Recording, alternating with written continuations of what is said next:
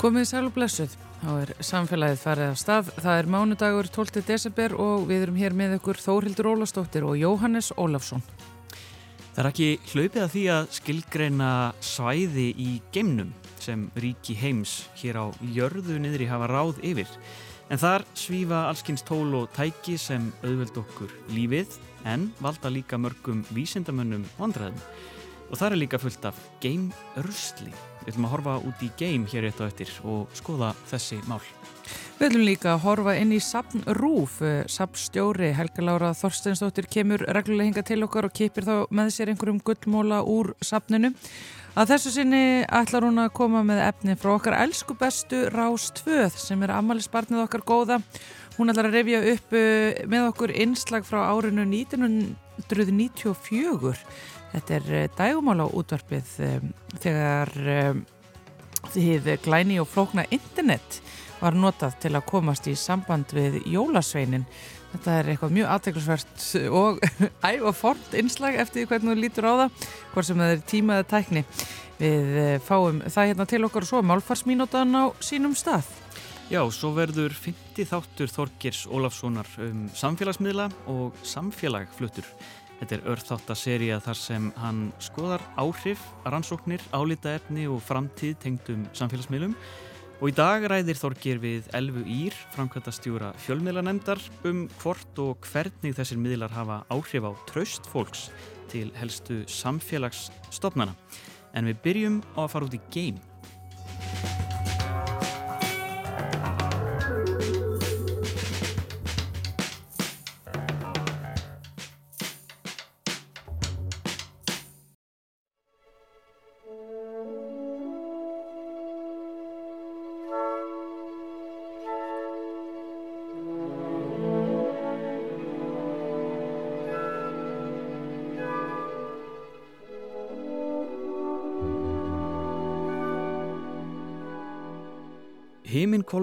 Er fullt af undrum sem mannfólk hefur reyndað að ráða í svo ár þúsundum skiptir. Stjörnurnar á næturhimninum hafa leikið stort hlutverk í frásögnum af uppruna okkar og örlugum og jáfnvel persónuleika fólks. Á 2001. öld er þó margt annað sem kemur okkur fyrir sjónir, annað en glampandi stjörnur. Á sporbög svífa ótal gerfitungl og annar búnaður sem til að mynda er ætlað að bæta fjarskipti okkar en æra því miður marga vísindamenn. Nýtt bandarist fjarskipta gerfitungl sem skotið var á lofti í haust er á meðal björtustu fyrirbæra nætur himminsins sem sjá má af jörðu niðri þessa dagana að mista kosti. Og fyrirtækið sem stendur á bakvið það, AST Space Mobile, hyggur á að senda fleiri slík tæki á loft á næstu árum. Blue Walker 3 gerfinötturinn heitir þessi nýji nöttur sem sendu var á loft og er engin smá smíði. Hann er útbúinn risavöxnu loftneti og breyðir vel úr sér telur rúma 64 fermetra eða bara eins og sæmilegasta íbúð. Hann svífur líka lágt yfir jörðu en tilgangur hans er að vera fjarskipta mastur fyrir farsíma í gemnum. Öll þessi tæki geta valdið trublunum, þau geta orðið að geimröstli og skapað hættu. En hver ræður? Hver má senda slík tæki upp í loft og hvernig er því háttað sem kalla mætti geimhelgi? Bjarni Már Magnússon er profesor við lagadeild Háskólans á Bifröst og hluti af geimteimi skólans. Samfélagið kom sér í samband við hann í vonum að fá einhver svör.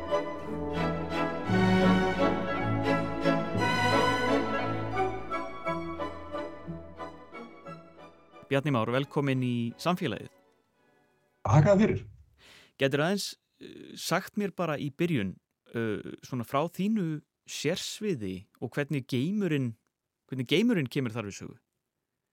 Já, þetta, þetta er hérna, þannig að ég er sérfræðingur í hafrétti og það er nú margt líkt með hafrétti og geimrétti og það uh, nú einn kollegi minn kandiskur sem hvati mér svolítið að fara meir út í, í þessi geimalmni og ég bara, ég er að stökka vagnin og, og þannig að ég réð mér nýlega til Bifrastar búin að vann í tíu ár hjá Áskunni Reykjavík.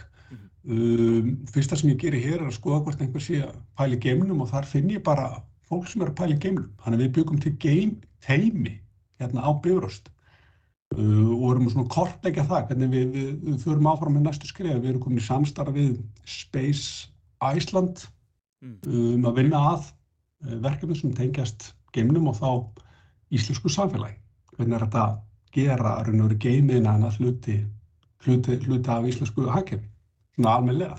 Já, og rannsóknir á, á, á þessum miklu viðáttum. Já, Mm. sem eru, þetta er alltaf reynd þekkingaðinnar og uh, fjölmörg risavaksin mál og mörg mál sem fólk kannski átta sig ekki á sem að upplifa sem hversdagslegt en eru geimmálumni.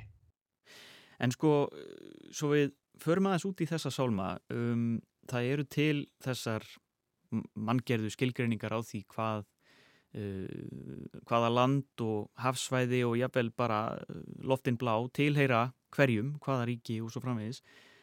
En þetta hlýtur að vera svolítið flóknara þegar fólk er komið út í geim og hvar lofthelgi endar og geimhelgi en, uh, byrjar sko. Er er ykkur einföld leið til að uh, útskýra þetta? Einhvers konar geimhelgi? Þetta, já, þetta er, þetta fer svarið þessar spurningu, fer eftir hvernig þú spyrir. En ef ég spyr þig? það- Ef þú spyr mig, þá ég ekki kannski minn leikar svara en einhver annar. En hérna, það, það er þannig að, að sko, þetta er rúnur viðfángsefni sem er frekar nýtil komið. Af því að það var ekki þörf á að, að, að velta, að einhver væri að velta þessu fyrir sér. En svona eftir að geimöld uh, bara skellur á, Mhm. þá þá náttúrulega að pæli þessu. Uh, það var lengi vel þannig að það var bara miða við uh, draga einhverja svona óskilgrenda línu eftir í hvert hæstu loftför geta farið. Þannig að var raun og veru engin skýr lína uh, og þannig er það raun og veru í ennþá. Það er ekki neinn skýr lína og það miðast, uh, sagt, það, það eru ýmsar svona uh, hugmyndir sem hafa verið uppi. Það, það kannski bara segja skýrt fyrir að það liggur ekki fyrir neins sko svona alþjóðlega skilgringun á afmörkun heimingeimsins. Mm. Sett hvar hann byrjar og hvar sko loftrými ríkja endar, eða það er, er að segja lofthelgin. Já. Og það eru alls konar kenningar og sjónamið sem hafa verið setta fram á alþjóðavettvangi, en enginn þeirra hefur fengið svona yfirgnefandi stuðning. Uh, og það er hún skrifstofa saman þjóðanum málum geimsins. Hún hefur verið að halda utan um þessar tillögur Mhm. uh, og það má eiginlega segja að það sé svona tveir megin hópar.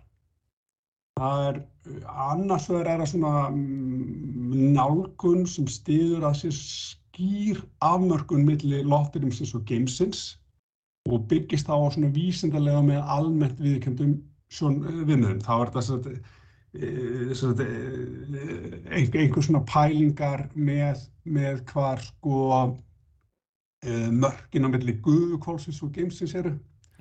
Uh, og það er stundum miða við það sem er kallað uh, Hármannlínan sem er uh, kend við, við uh, ungversk vandarskan flugverkfræðing sem heitir Theodor von Karman Mm. en hann setti fyrst fram uh, skilgrinningu um hver þessi ætti að, eða hann setti fram skilgrinningu um hver mörk ætti að vera og, og hann miða við eh, sagt, svona cirka 50 mílur en í dag er þessi kármál-lína miðið við 62 mílur eða 100 kilometra á sjámáli, þannig mörg ríki sem búin að taka upp sem þessa 100 kilometra línu, það er kannski ekki mörg, það er svona rétt undir 20 og sem dæmi þá er þetta sagt, uh, einhvers konar uh, þá mörg andrumsloftsins og geimsins eða þá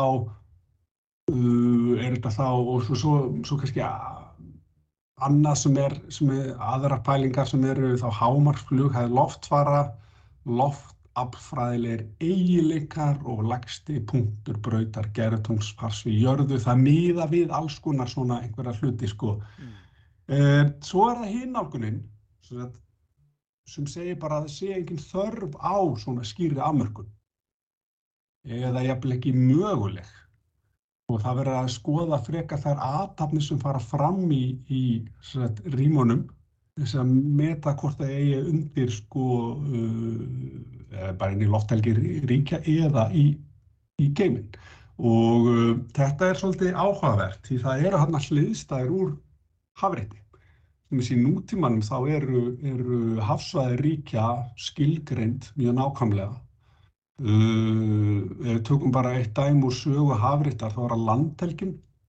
Einu sinu var að þannig að það var miðað við fallbissuskott að reynkenningin að það ætti sem sagt að uh, landhelgin ætti að, að ná eins langt eins og bestu fallbissur grifu. Og það má kannski segja að hér sé tæknin og þessum tíma var náttúrulega tæknin, hernaðatækni sem spilaði inn í hvað landhelgin ætti að vera. Og hér líka svona tæknin að koma inn í mm inn í þessar pælingar með lögsögur ríkja. Bara, uh, bara svona með, með öðru sniði. Já, það ætti þá ekki að vera máli, skýru línur eða fallbissu skot, að vera eitthvað annað? Já, já, já. Þannig sko í stuttumáli þá er þetta ennþá óljóst. Já. Það er, það er stutta svarið en, en það, það er mið að maður kannski segja að þetta sé Eh, á bílinu 80 til 120 km sem er svona algengt að miða við.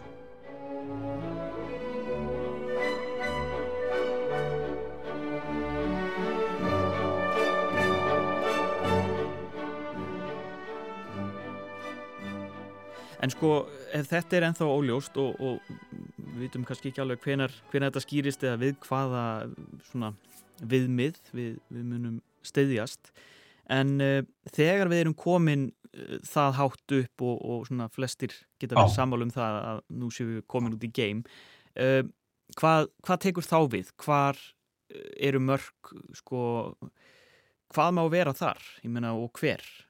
Sko, þetta er mjög áhugavert og hérna, þessi mörg sem við talar um, sko, þau skipta miklu máli að því þau greina á milli þá lögsugur ríkja og svo hins vegar uh, það sem erum komin út í heimingeimin og þar gildir svona alþjóðlega reglur á sviði geimréttar mm. sem er mjög bara stórt réttarsvið uh, það sem er tekist á um, um þessi málefni og uh, þar er, er samningur aðal samningurinn sem er ennþá svona stuðst við er, er frá 1967 og hérna uh, setur þessi líkil prinsip út til dæmis að, að uh, geymur á að vera nýttur fyrir þessum tilgangi.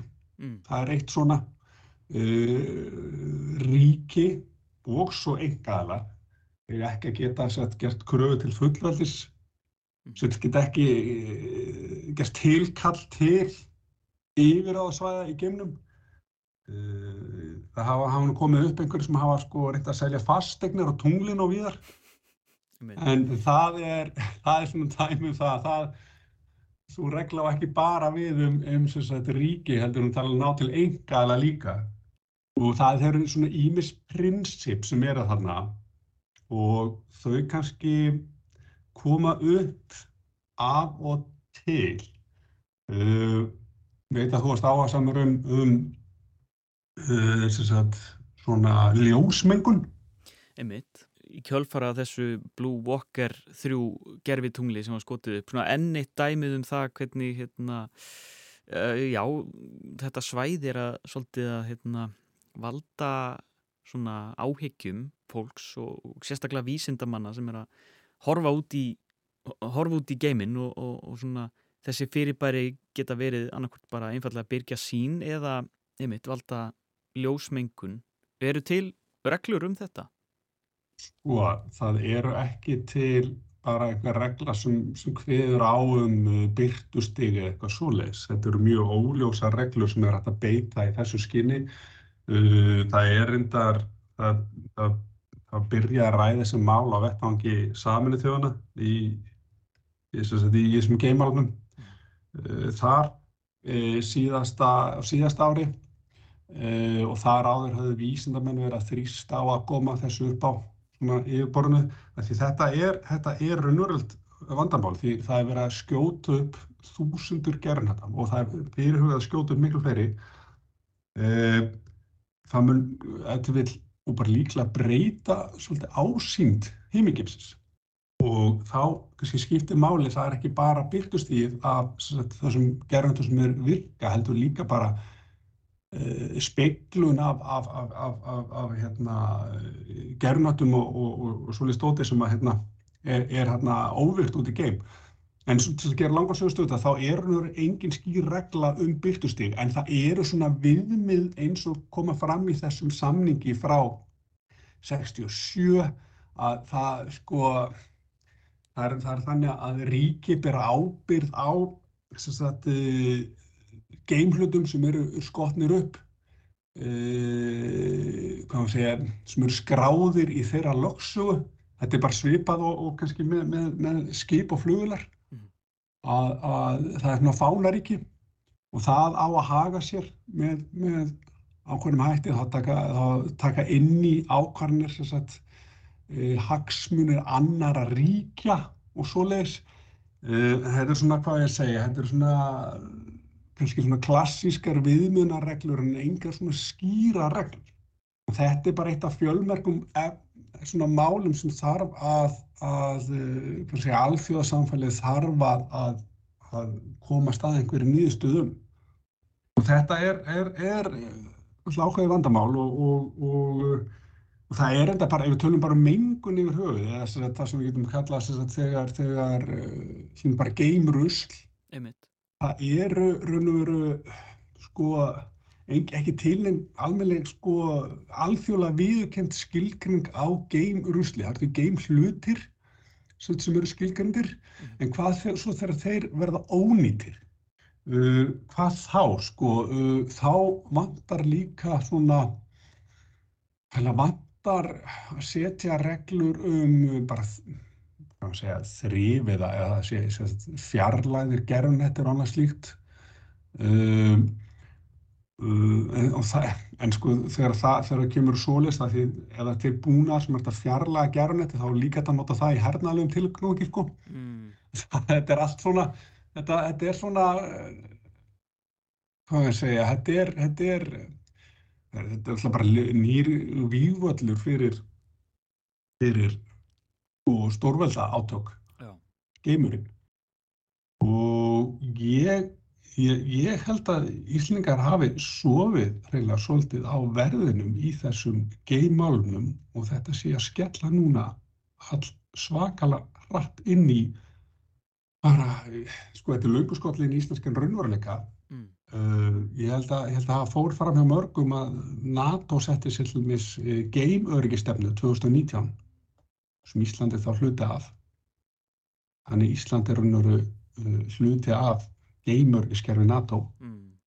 Þannig að þetta er, þetta, er, þetta er allt annar veruleiki og svo er náttúrulega komið fréttir hérna, ég held að það verið síðustu vöku um, um bandarski geimherinn hefði viljað hérna fá aðstöðu til að, til að sinna ákveðinu málum hérna í síðustu vöku.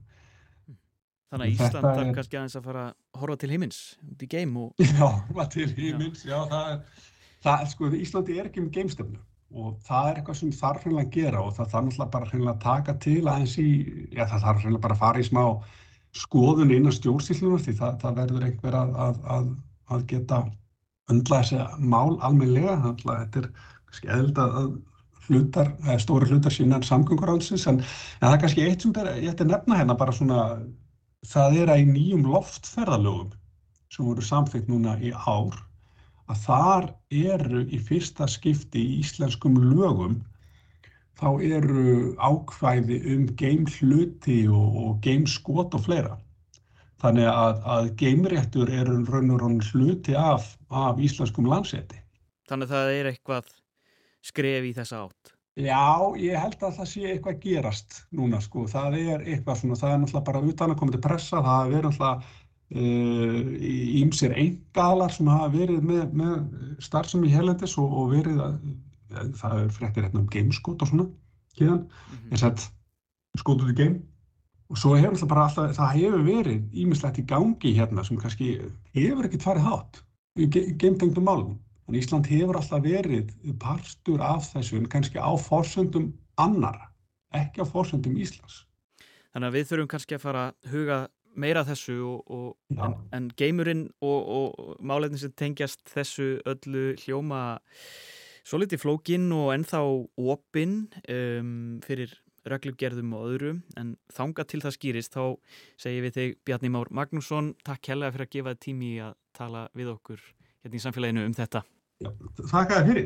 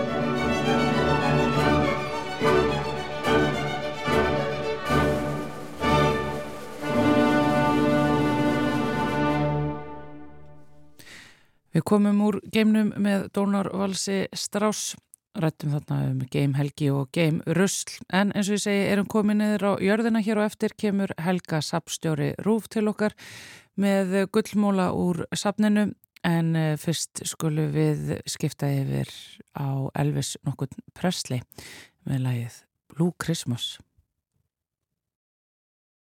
I'll have a blue Christmas without you.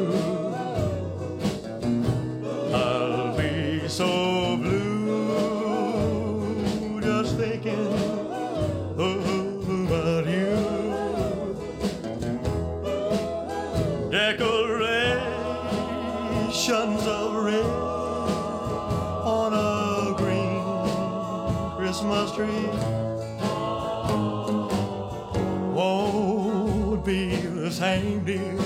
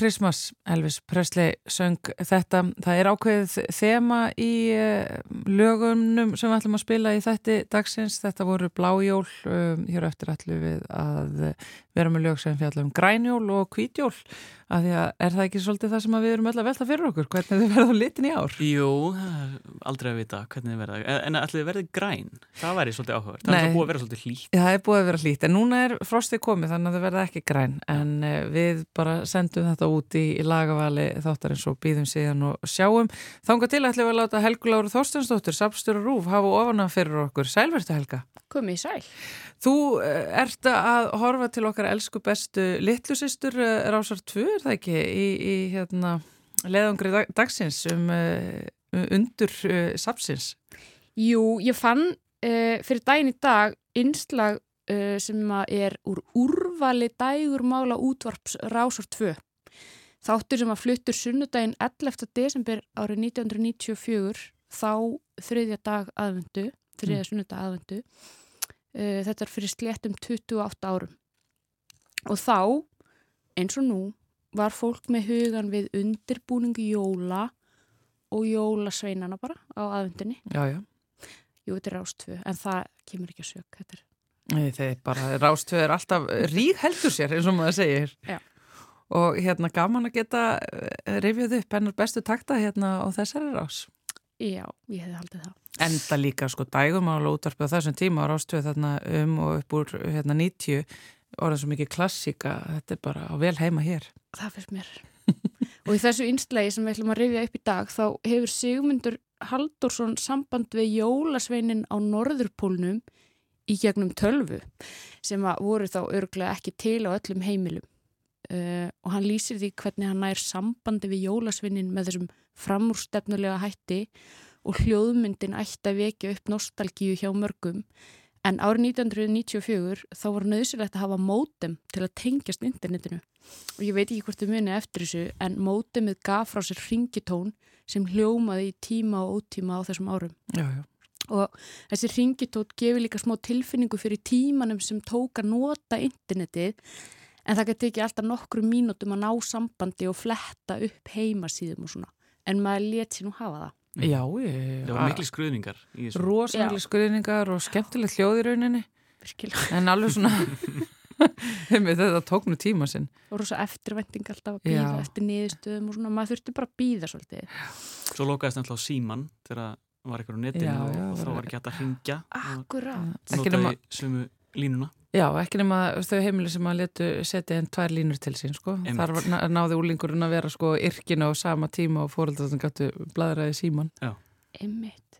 En það er ekki bara hljóðmyndin, sko, hérna heldur líka tungutaki í kringum þessa stuttu aðtöfn sem mér finnst lýsaði, sko, hvað vorum ennþá först í hugmyndinu um brefasendingar og frímerki og svona. Mm. Þannig að hann talar til dæmis um heimilisfang en ekki netfang og hann segir postadressu en ekki tölvupostfang og hann talar um að það sé hægt að senda jólasveinunum bref en í dag myndum við kannski tala um skilabúð frekar.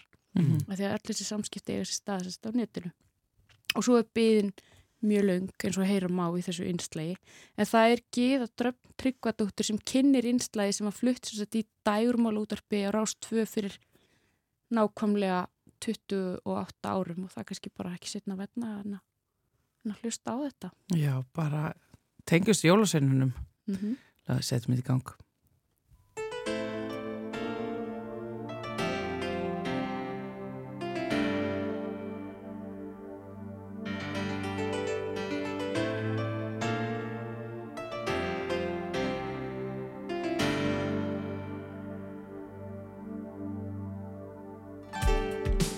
Góðan dag. Við ætlum að nota tíman fram að hátegisfréttum til að rifja upp eitt og annað sem bóða var upp á í dægurmála útvarpi liðinar viku. Það er þriði sunnudagur í aðvendu og það má búast við því að margir séu farnir að huga að jólunum, jólabakstri, jólarhengjörningu og svo framvegis. Nú jólasveinarnir fara brátt að byrtast hver á fætur öðrum en svo virðist sem hægt sé að taka forskot á sæluna og hafa samband við jólasveinarna í gegnum tölvu.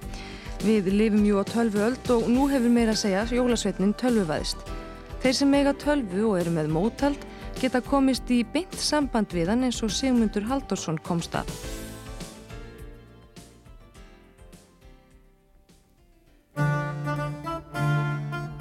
Já, því að jólasveitnin, hann hefur tölvuvæst og það sem er er, hann er komin á internetið og þar geta því allir náð til hans og uh, eins og sjáum átt í morgunblæðinu á sunnundag þá þarf maður ekki annað heldur en að slá inn ákveðna ákveðið heimilisvang og þá kemst maður í sambandi jólasveinin og við skulum aðtöfa hvað gerist ef við slæ inn þetta, þetta ákveðna heimilisvang.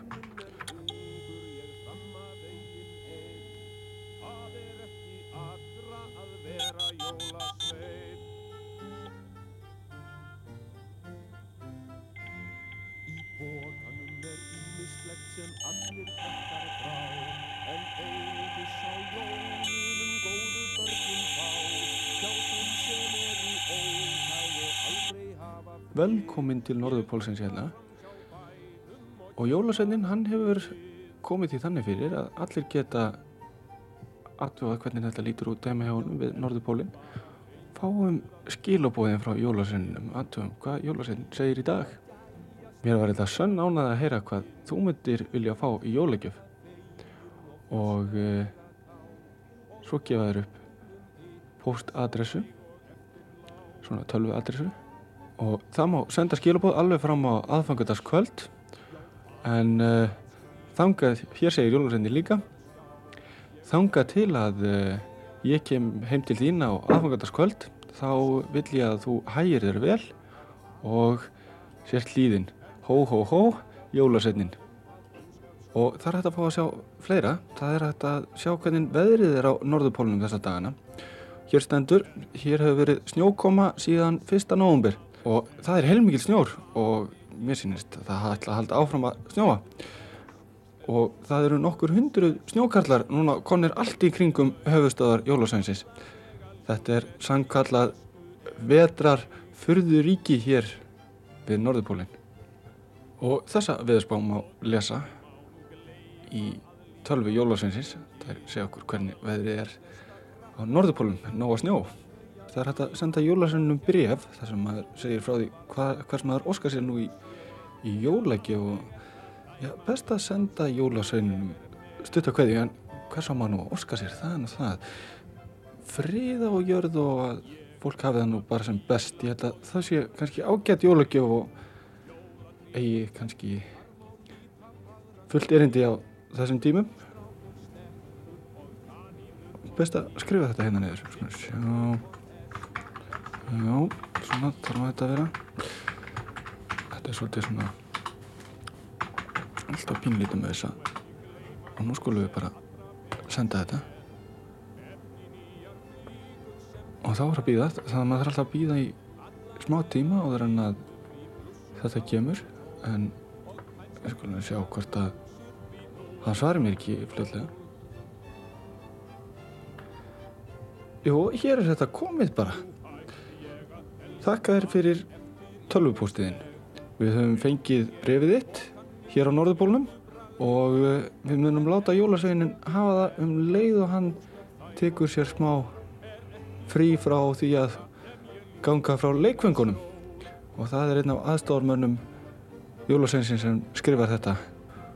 Og eins og ég sagði hérna áðan um að gera bara að haga sig vel þá kemur Jólasveinin færandi hendi og vonandi með gefinnar en það er kannski eitt í þessu sem að allir krakkar um alland ættu að aðtúa þetta er því miður á ennsku allt saman svo að þið verðið vantarlega að fá mömmu og pappa til að aðstóða ykkur.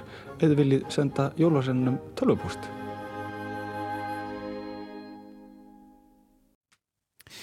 Þetta einslag frá árinu 1994 var um, í dægurmála útvarfi Rásar 2 fyrst flutt um, þá þarna fyrir 28 árum 11. desember það árið mjög skemmtilegt að reyja þennan tíma upp um, Fyrir Manns, mína tíð reyndar Fyrir þína tíð um, um, Tekja þetta ja, mótem hljóð sko. já, já. já, En ég þekki þau og, og, og þessa tilfinninguna þurfa að hafa sambandi í jólasveinin það er náttúrulega tímalust Fyrstu kom í nótt, Stekkastur kom fyrstur hann var vist á ferðinni í nótt glatti eflaust ótalmörg börn sem að náttúrulega þurfa ekki að ganga eins langt eins og börn nýjunar þarna á sínu tíma sem að þurftu að býða í heilanga tíma til þess að geta sendunum e, einhverjur óskir og með einhverjum erfiðum tengingum, tölvutengingum og þurfa að skrifa alltaf á ennsku og koma þessu svona fyrir. Mjög gaman að heyra þetta og sérstaklega þess að gömlu sko gömlu stefin líka Já. það er eitthvað sem að hérna, kveikir alltaf á, mann, eh, á, á manni þegar, þegar maður heyrir hérna, stefin úr fortíð útvarsins Það vakna minningar. þá koma minningarna fram, það er algjörlega þannig. En eh, hér áðan uh, voru við að spila lagið Blue Christmas með Elvis Presley og við ætlum að, að eh, halda áfram að reyna að finna alls konar eh, lit á jólum. Lendum í tölverum vandræðum að vísu eins og kannski gefur, að skilja uh, kannski ekki allt alveg til í safninu, fór eitthvað að fletta upp í Spotify. Þetta er nú svona kannski minni spámenn sem er að syngja um kannski. Ég vantaði fleiri liti. Vantaði fleiri liti, en ég rakst hins vegar á eh, eitt lag eh, sem að mér þóttu bara mjög forvinnilegt og eh, eins og ég segi, kannski er ekki eitthvað sem að, þetta, er ekki Elvis Presley en þetta er hins vegar lag sem heitir Green Christmas og er af, uh, já, heitir sagt, The Curved Album Contraband 3 það er Hlinur Þorstensson eh, sem að gefur þetta út og þetta er bara reynd útsagt algjörlega ágætislag. Heitir Green Christmas, passar inn í þe laga þema samfélagsins í dag þannig við ætlum að láta það gossa. Hér er það.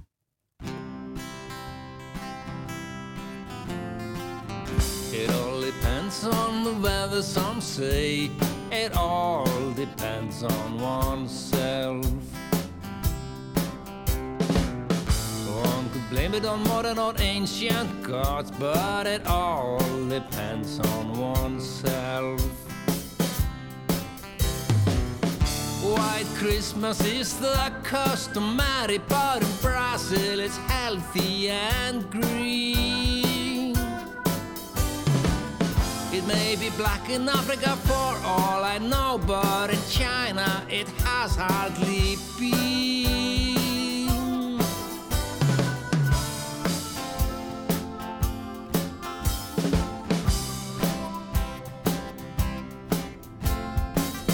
Maybe you think that you should be out in the desert on a Christmas day. With sand in your shorts and sand in your shoes, gazing at stars far away. So pick your colors and go pick your place. Your choice will be as good as any. I'm wishing you a very happy Christmas in your life, touched and colored by many.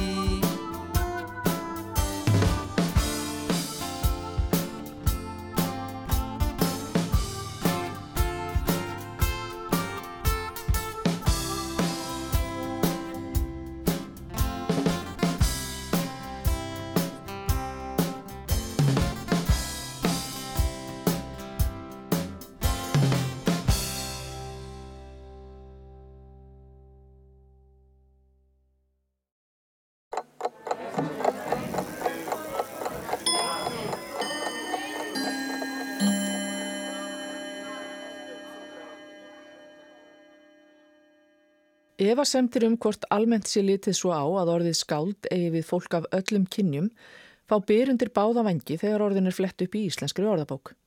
Skýringin er í karlkinni, sá sem yrkir kvæði. Orðabókin tekur þó ekki af öll tvímæli því hún segir að skáldkona sé kona sem er skáld. En það er einkennilegt dæmi undir orðinu skáld í orðabókinni. Þar stendur, hún er skáld þótt hún yrk ekki, hún er íkin, skreitin. Þar höfum við það. Þetta er alls ekki eina dæmið um neikvæða orðræðu um konur í þessari merku orðabók, en þetta var þó nokkuð óvænt. Íslensk nútímamáls orðabók er nútímalegri í skilgrinningu sinni á orðinu skáld og leifir öllum kynjum að vera með því að þar segir að skáld sé höfundur sem yrkir ljóð,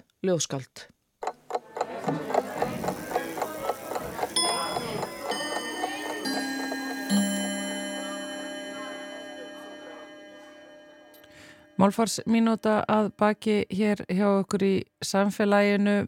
Við erum búin að uh, spila uh, blájól og uh, grænjól. En þá er náttúrulega komið að, já ég fann síðan ekkert ekki, ekkert í sapni sem heitir rauðjól. Um, það vil enginn syngjum það? Nei, það, var, það er öruglega til um, en, en, en ég held að það sé náttúrulega bara einjól sem allir vilja. Já. E, það er nú bara svolítið þannig hérna hjá okkur á, á, Íslandi og það er sko, það stefnir í að verður einhver starf á landinu verða kvítjól, það er komin föl um, í sumalandsluta og svo bara spurning hvort það heldur. Ætti að gera það með að við uh, já, kuldaviðusbá, það er nefnilega talsvert frost, um, það er farið á stað og, og heldur áfram. En um, Geta allavega verið svona frostrósir yfir, það væri allavega fyrir mér nóg Já, sem kvítjól. ég byð ekki um mikið, skiluru, en uh, það væri frábært að það kemur snjór líka. Um, það er, um, það er tími til stefnu, skulum við segja, við skulum sjá hvað fylgir þessu frosti sem að verður hérna hjá okkur næstu daga, hvort að jólinn verða hvít og uh, það er náttúrulega bara einn maður sem getur nelt uh, lægið um hvítu jólinn, það er náttúrulega algjör klassik. Það þarf alltaf að kynna það. Það þarf alltaf að kynna þetta, en þetta er hann Bing Crosby, White Christmas.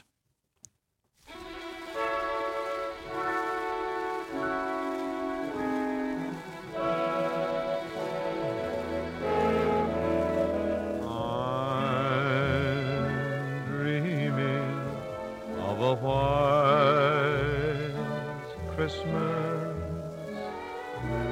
just like the ones I used to know, where the tree tops glisten and children listen to hear sleigh bells in the snow.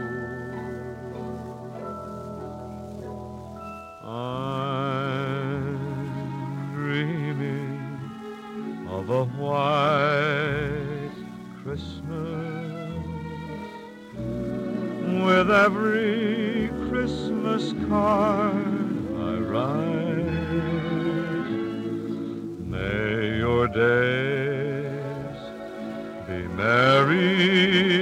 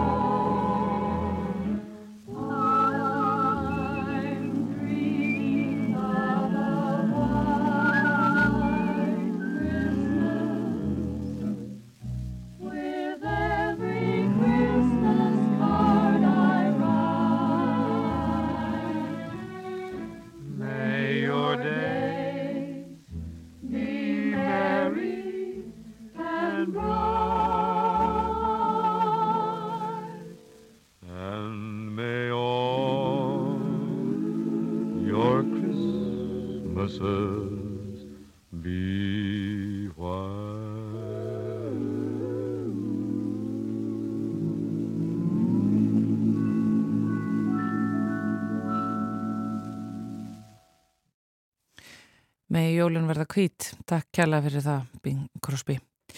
En þá er komið að fynda þætti í örþáttaserju Þorgers Ólafssonar eh, þar sem hann ræður um samfélagsmiðla.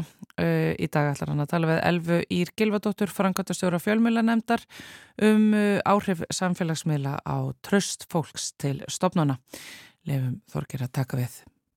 Ágætu hlustundur, að þessu sinna ætlum við að ræða um samfélagsmiðlana og áhrif þeirra á tröst alminnings á sammeilum stopnunum okkar og áhrif þessara miðla á liðræðið í stóru samingi. Það eru uppi nokkur sjónamið um áhrif samfélagsmiðlana á liðræðið, annars vegar að hér á Vesturlöndum hafi þáttaka fólks í ímiskonar samfélagsumræðu aukist með tilkomu þessara miðla, en einnig að margt að því sem þar á sér stað geti grafið undan liðræðinu. Nú þá telja sumir að samfélagsmiðlarnir endur spekli aðeins ástand sem hefur verið lengi fyrir hendi í samfélagum okkar. Viðmælandi minn er Elvægir Gilvadóttir fjölmjölafræðingur og framkvæmtastjóri fjölmjölanemdar og við byrjum á spurningunni hvort líklegt sé að samfélagsmiðlarnir grafi undan líðræði samfélaginu með einhverju mæti. Já, það eru mjög, uh, svona, það, uh, við getum sagt sem svo að stjórnvöld uh, ríkja Evrópu eru farin í auknum mæli að hafa mjög miklar áhyggjur af því hvernig samfélagsmiðlar og þá þar með líka algoritmannir hafa á svona þessa líðræðislu um, umræðu og uh, ekki síst bara vegna þess hvernig þróunin hefur verið og hvað hún hefur verið kannski hröð á undarförnum árum. Og eitt af því sem að til dæmis er talað um er svona uh, það sem að hérna má kannski útnefna á íslensku staðurendaskautun eða fact polarization sem að svona felur það í sér að, að e, við sem samfélag erum ekki einu sinni sammála um það hverjar eru staðarendir mála. En til þess að við getum í raun og vera átt upplýsta umræðu um það hvernig við erum að nálgast viðfangsefni, þá þurfum við allavega að vera sammála um það hverju staðarenda málsins eru áður en við fyrir að byggja okkur skoðanir á þessu. Og e, Þannig að allt okkar líðræðiskerfi er eiginlega byggt upp á því að við séum í góðri trú, að setja fram upplýsingar í góðri trú og að við séum að byggja þá á svona þessi líðræðislega umræða byggja á þá upplýsingum sem eru setta fram með þessum hætti og að við getum þá náð einhvers konar svona eh, einhverju lendingu í, í, í því.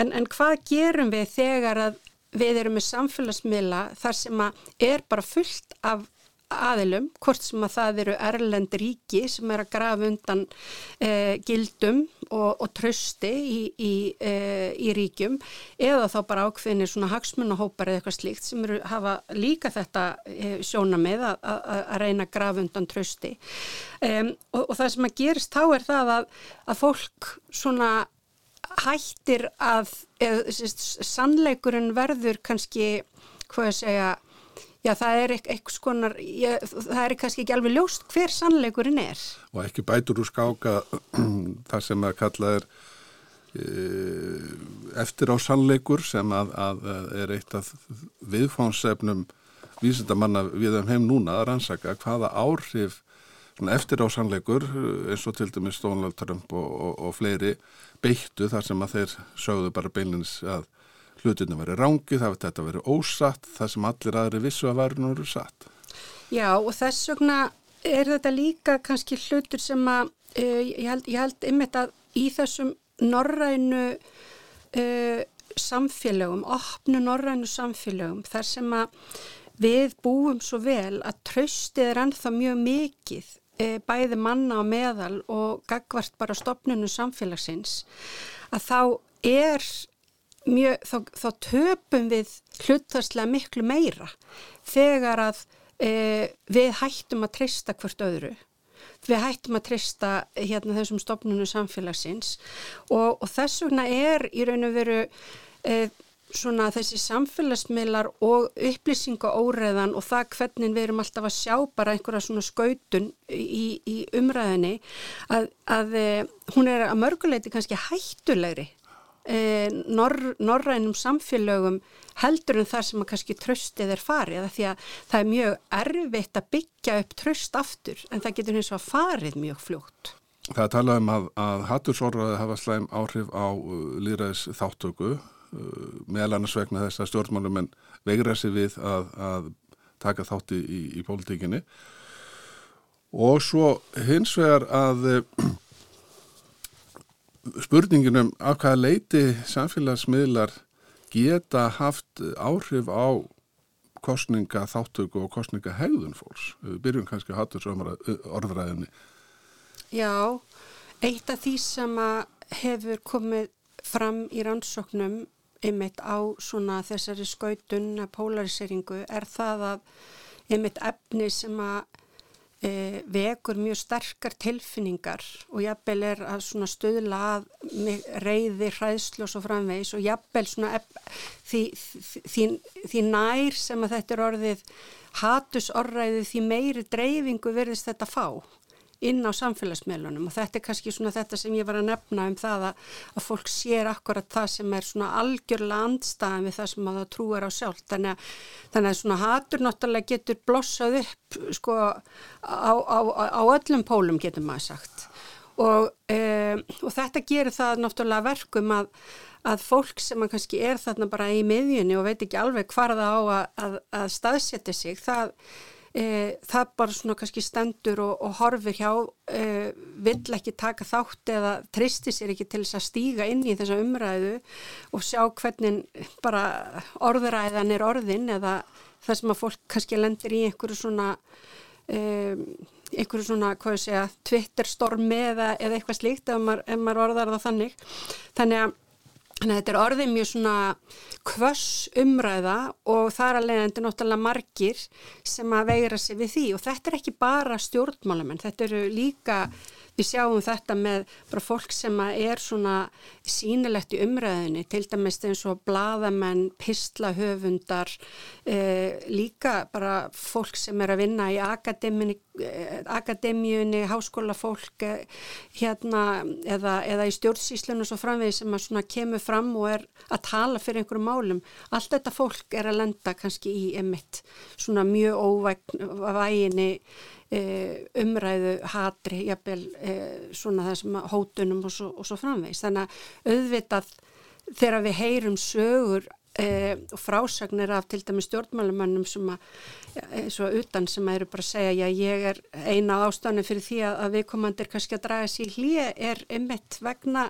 óvæginar umræðu og mik mikils hatus og hótana, þá er það náttúrulega mjög slemt fyrir líðræðið. Og við höfum dæmi hér frá Íslandi líka uh, frá sérstaklega úr sveitar stjórnarstíginu að þar hefur fólk hægt við vegna þessa hluta. Geta miðlarnir, eða samfélagsmiðlarnir haft áhrif á kostningaþáttöku og kostningahegðum fólks? Já, það kom upp uh, fyrir nokkurum árum síðan uh, heilmengil umræða um þetta vegna þess að uh, það voru rannsóknir sem að Facebook hafi gert sjálft á því að þegar að fólk sá það í uh, að, hérna á fjersbókinni sinni að, að einir þeirra hafi farið á kjörstað og að það væri kostningadagur og, og hérna hverjir hafi verið að kjósa og svo framvegis að þetta uh, virtist uh, svona hafa mjög jákvæð áhrif á það að fólk færi sjálft að kjósa og yfirleitt er mjög erfitt að fá fólk til þess að kjósa e, þannig að það eru svo sem ekki kannski mjög marga leiði til þess en þetta virtist vera mjög áhrifarík leið. Vandin varðandi það sem að Facebook var að gera var það að aftur vegna algoritmana þá var algjörlega óljóst hverjir það voru til dæmis í kostningunum hér 2017 sem að sáu þessa meldingu eh, hvaða hópar þetta voru. Eh, við veitum það líka eldra fólk er frekar að nota Facebook heldur en sem yngri eru. Þannig að það var þarna kannski algjört ógagsægi í því hverjir voru að fá þessi skilabóð og þar alveg endur verið þá líkleri til þess að fara að kjósa og ef að maður náttúrulega setur þetta inn í svona samengi þá, þá eru miklu, þá síndur ansóknir Facebook það að það var miklu stærri hluti sem að, sem að voru líklegir til þess að fara á stað og kjósa sem þetta hafi áhrif á hlutfastlega heldur en þessi örfái atkvæði sem að skilja flokkana að í svona örf samfélagi eins og Ísland er. Þannig að auðvitað hefur þetta áhrif. Þetta mál var tekið upp hjá persónuvend og, og hérna er til umfjöllunar líka hjá Ísku persónuvendina því að þarna er náttúrulega verið að nýta persónuupplýsingar til þess að, að hérna svona gefa þessar upplýsing eða að þetta byrtist fólki. Þannig að, þannig að þetta er svona kannski óútkljáð mál en þannig að sjáum við það bara hvað þeir hafa geta haft mikil áhrif á hennar líðræðslu umræðu. Og en þetta var síðan ekki fyrir síðustu kostningar og kannski vegna þessar umræðu sem að persónuvend og fjölmjölunemnd hóf við Facebook út af þessu. Já, þetta, þetta mál á Íslandi bara fór í pressuna í Evrópu. Þannig að það var fjallað um þetta bæði í Þýskumælandi og hérna ennskum fjölmjölum og, e, og það var náttúrulega vegna ábendinga sem að þetta mál fer til Írlands og, og, og Írska persónavendin tekur þetta mál upp. Þannig að þeir í raun og veru hafa ekki vilja stíga inn með svona aðgerandi hætti inn í svona líðræðið í aðdraganda kostninga eh, án þess að, að vita nákvæmlega til, þannig að stjórnvöld einstakra ríkja viti nákvæmlega hvað er sem er þannig í gangi og hvernig þeir eru að hafa áhrif á hérna líðræðislu kostningar. Fyrir kostningarna 2017 voru byrtar nafnlaus áróður, miklu mæli bæðið Facebook og, og YouTube en við sáum það ekki í kostningunum síðustu. Nei og það var vegna þess að um, þetta var náttúrulega orðið vandamál, ekki bara á Íslandi, heldur bara allstaðar í álfunni. Þannig að um, það voru, þetta var sérst að vettvangi Európusambandsins og í raun og veru EES þá, hérna við vorum þá aðilar að því gegnum EES, þá var farið á stað í það að að e, fá samfélagsmiðlana til þess að, að stemma stegu við þessu og að, e, að það er því svona settar svona ákveðna kannski reglur um það að það var ekki hægt að auglýsa nema viðkomandi sem að e, svona, ef þetta voru skoðanamótandi pólitískar auðlýsingar að þeir myndu e, láta vita hver þeir væru þannig að það þurfti að gefa upp upplýsingar um það og svo framvegs.